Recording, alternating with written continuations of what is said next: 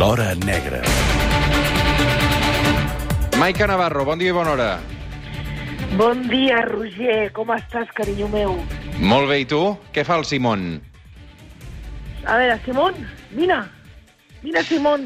El Simon, recordem-ho, no és el senyor coronavirus eh, que el doctor que cada dia, ara per cert eh, de confinament perquè també ha estat detectat de Covid-19, eh, el Fernando Simón, eh, és, és, el, és el gos, el nou gos, el nou caniche de Maica Navarro que li ha posat Simón, no sé si en honor al doctor coronavirus. No, Ah. perquè m'agrada la cançó de Eres tonto Simón de Radio Futura. Com va la convivència? A veure, um, caga molt, tio. no podia imaginar que un gos tan petit cagués tant. Jo no sé, es passa tot el dia cagant. O sigui, soc una, és una màquina de cagar. És brutal que es, veure, en els adults això està bé, cagar està bé, no? Perquè, però vaja, En Maica Navarro, estem en obert, eh? Vull dir que t'està escoltant tot Catalunya ara mateix. ja, bueno, no sé, però mig Catalunya té gos i deuen saber si caguen molt o poc. Tampoc em sembla tan tràgic parlar de que el meu gos caga. Però que no el treus a passejar, que faci les necessitats al... És que és molt petit. O sigui, ell caga i pixa l'empapador i quan arriba al carrer em mira com dient, bueno, què fotem aquí? I a més a més, com han estat dies tan lletjos, cada cop que obro la porta per sortir, que jo he vist el gos de la meva germana, el Quico, que corre cap a la porta desesperat, doncs aquest eh, diu que, vaja, que s'amaga, no li agrada sortir al carrer, però vaja, jo entenc que, que no li agradava perquè ha fet molt de fred i és que és molt petit. És que només té quatre mesos, el Simón. Però vaja, ens estem coneixent. La veritat és que és una alegria, eh? Jo, jo havia tingut gat, que es deia Frodo, fa molts anys, però gos no havia tingut mai i perquè la meva família sempre havia estat una família de, de gats, però, ostres, és una experiència molt recomanable, eh? Molt recomanable. És a dir, que em fa molt feliç el Simón. Carai. Així t'ho dic, tal qual. Sí, sí que és fàcil fer-te feliç, Maica Navarro. No, ostres, doncs pues potser sí. Home, fer feliç en general a la gent és bastant més fàcil del que alguns es pensen. Sí, I és fer-me feliç a mi, sí, no és, no és gens complicat. Sóc una dona de, de felicitat convencional. Molt bé. Escolta'm, aquesta setmana, a, a banda de passejar el gos, has sortit al carrer per treballar i, entre altres llocs, has anat... sí que escolteu aquest àudio, escolteu aquest àudio.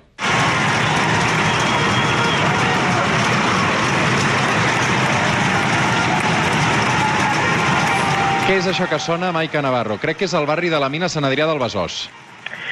Al barri de la Mina, Sant Adrià del Besòs, concretament, el so dels edificis dels veïns al voltant de la plaça de Camarón, entre les mítiques carrer Venus i, i Llevant.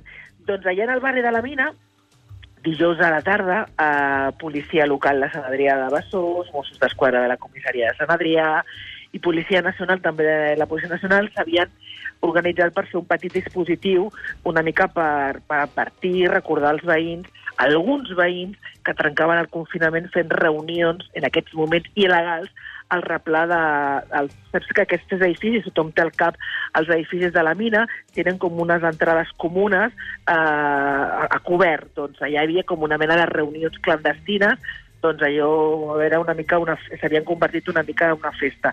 Això, i per descomptar tota l'altra problemàtica que creix i continua de toxicòmens que, que, que, bueno, que trenquen el confinament, però això és una altra, una altra història. Doncs bé, la idea era reunir-se per això i al final va haver un moment que, escolta, les tres cossos policials eh, estaven, en aquell moment era un dia complicat per la, per la gent de la Policia Nacional, havia mort hores abans un company seu, un històric de la Policia Nacional de la UIP, i al final doncs, van decidir, escolta, en, en un moment, juntar-se mig de la plaça, policia local i Mossos, donar homenatge al, al, al Policia Nacional, i els veïns al final eh, van començar a aplaudir i el, els policies aplaudir els veïns i tot allò es va acabar convertint en una mena com de cerimònia i d'homenatge mutu en què per primera vegada molts van veure com els veïns de la mina aplaudien a la seva policia durant una bona estona i els Mossos, la policia local i la Policia Nacional responia doncs, també aplaudint als veïns doncs, que aquests dies estan confinats en aquests pisos de, de la mina.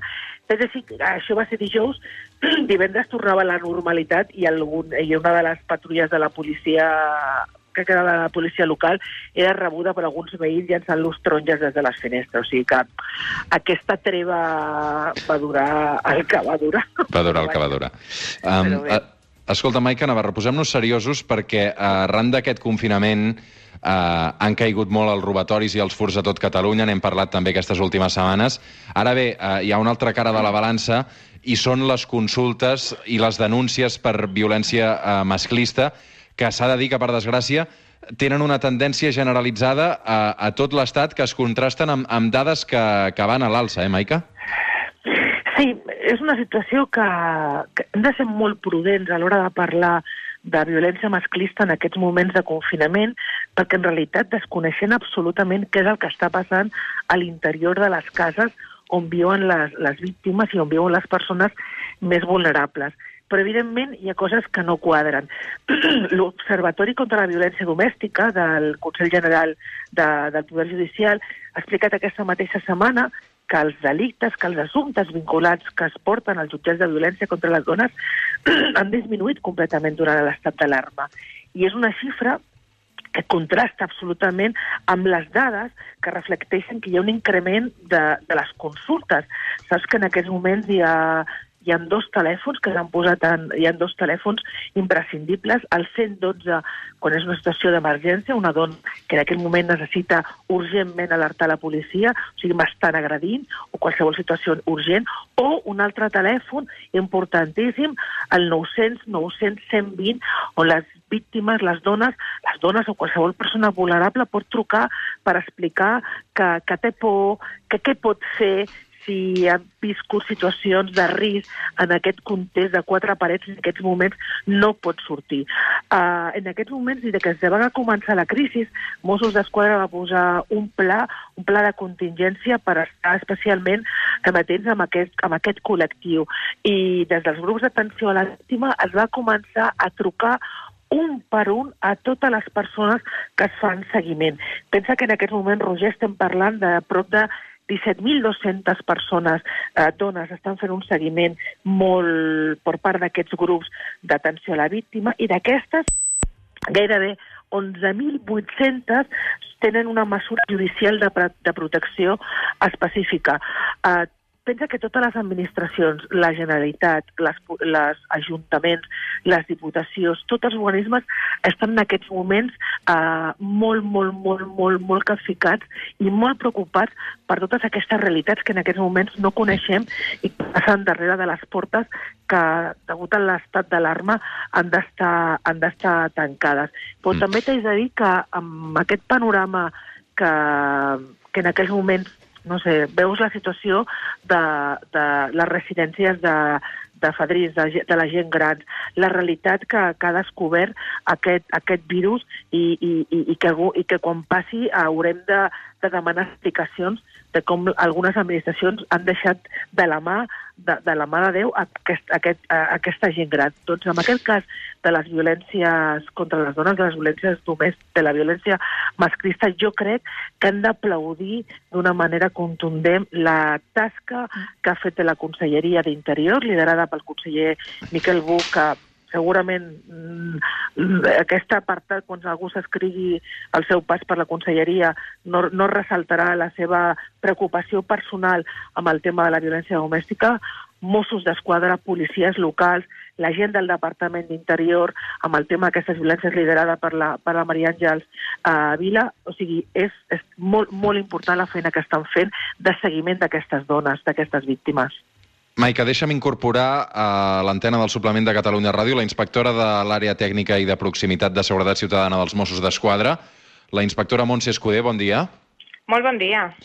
I gràcies per atendre'ns. El confinament ha fet aflorar casos de violència masclista que fins ara quedaven soterrats?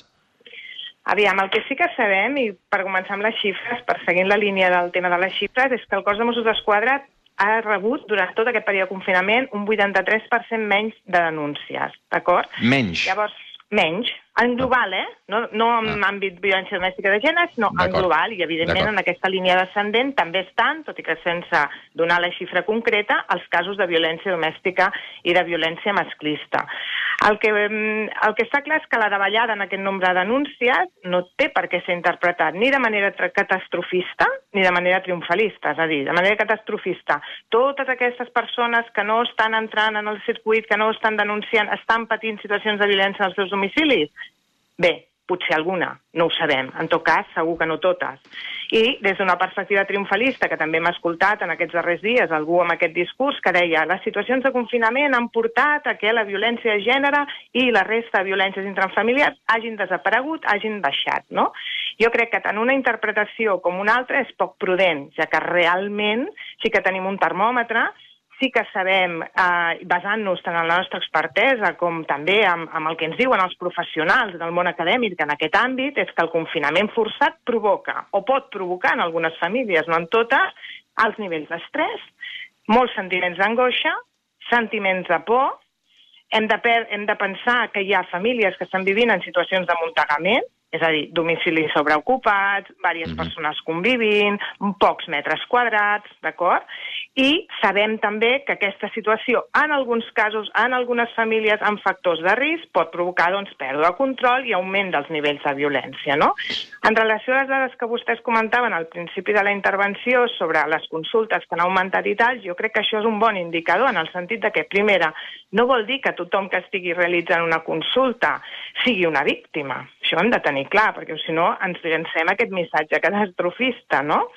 Um, tots els serveis assistencials són absolutament conscients de que quan hi ha un cas de violència masclista, que estem davant d'un possible il·lícit penal, s'ha de comunicar. Per tant, si hi ha 300 consultes, necessàriament hi ha d'haver després 300 denúncies a la Fiscalia o a la policia, no?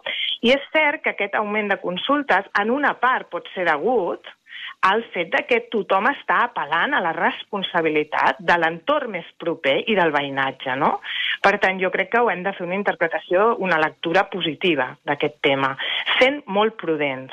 Mm. Què pot fer una persona que ara mateix està patint violència masclista a, a Catalunya? On es pot dirigir amb la situació que tenim de confinament? Clar, el que és, evidentment, si estem davant d'una situació de violència, d'una situació de violència física o psicològica greu, el que s'ha de fer és el mecanisme ordinari, que és trucar al 112 o contactar amb algun dels recursos assistencials que ja ordinàriament funcionen. És a dir, el que hem de transmetre a ciutadania, el que hem de transmetre als homes i les dones i als nens que estan patint situacions de violència, és que tot el mecanisme, tot l'engranatge entorn a aquesta no s'ha aturat, és a dir, s'ha considerat un servei essencial bàsic des del principi. Per tant, els jutjats de violència sobre la dona estan funcionant, la policia està funcionant, tothom està funcionant. Sí que és cert que en situacions de confinament, i per això li comentava que, que, que no podem ni donar una, una lectura catastrofista ni una lectura triomfalista, en, per exemple, en temes de dones, les dones es posen menys en situació de risc no? És a dir, si sabem des d'un punt de vista de gestió del risc que el trencament de la relació, eh, entès físicament, és a dir, jo li comunico a la meva parella que me'n vaig, o bé percebut, no?, que l'altre creu que ja que l'altre que ha perdut a la parella, és un moment crític. Nosaltres entenem que en aquestes situacions de, de confinament forçat és possible que algunes d'aquestes dones no estiguin prenent aquestes decisions, no? Perquè per prendre decisions tan importants has de tenir un marge de llibertat. I en aquest moment aquest marge de llibertat no hi és, no? Eh, també és veritat que en aquests moments la violència que tenim és una violència indoor, és a dir, és una violència dintre dels domicilis, no? Uh -huh. I la resta de situacions de violències que es produeixen ordinàriament en l'exterior, pensem, per exemple, en aquelles parelles que ja no conviuen, o en aquelles parelles joves que no han conviscut mai, tota aquesta violència, degut a aquest confinament forçat, no té un espai per trobar-se. I bé, una mica entendre que hi ha moltes variables que estan influenciant en el que està passant amb, aquest, amb aquesta situació de confinament forçat, que les coneixem però que no les podem dir això és el que està passant al 100%. Mm -hmm. uh, ho dic per, per casos concrets, eh? Uh, crec que el telèfon um, d'atenció uh, ja s'ha habilitat un servei nou de WhatsApp destinat a aquestes víctimes sí. amb el 671 778 540, ho dic bé? Sí. 671 778 540, uh, un servei de WhatsApp, uh, i a més a més, com sempre, atenció víctimes arroba gencat.cat, nova adreça electrònica, uh, uh -huh. i si és una situació d'emergència, el 112, eh, entenc? Sempre, és a dir, el que hem de tenir clar és que la informació ha d'arribar. Ara, les noves vies de comunicar-nos amb les persones, amb les potencials víctimes, han canviat. No, la, les víctimes, pensin que en temes d'aïllament també és interessant tenir clar de que eh, l'aïllament ja és una estratègia que de per si la persona maltractadora fa servir amb les víctimes, no? Hi ha un aïllament de l'entorn familiar, un aïllament de l'entorn social, etc. Clar, ara la situació de confinament forçat fa que aquest aïllament sigui físic, sigui real, amb la qual cosa, evidentment, hi haurà dones o hi haurà persones que, que, que, estan, eh, que són més invisibles. És a dir, aquest confinament forçat reforça aquest anonimat, no? i per tant hi haurà dificultats per accedir als recursos especialitzats, dificultats potser per anar a interposar denúncia. Llavors, la responsabilitat que tenim des de les administracions és fer arribar mis dos missatges. Un, tot el que són famílies extenses, tot el que són veïnatges, que s'hi escolten, que s'hi senten, que s'hi fan radars, és una oportunitat d'or perquè el concepte de comunitat prengui sentit ple. És a dir, uh mhm. -huh. corresponsabilitzem-nos, siguem proactius en un tema de violència. O sigui, les violències tenen unes conseqüències gravíssimes, tant si les pateix un infant, com si les pateix una persona gran, un avi, una àvia, com si les pateix una dona o un home en situació de violència domèstica. Per tant, primera és aquesta. Després, fer arribar el missatge de que el, la policia policia i els jutjats en tot allò que té a veure amb les violències no s'han aturat, són serveis essencials i no s'han aturat, no?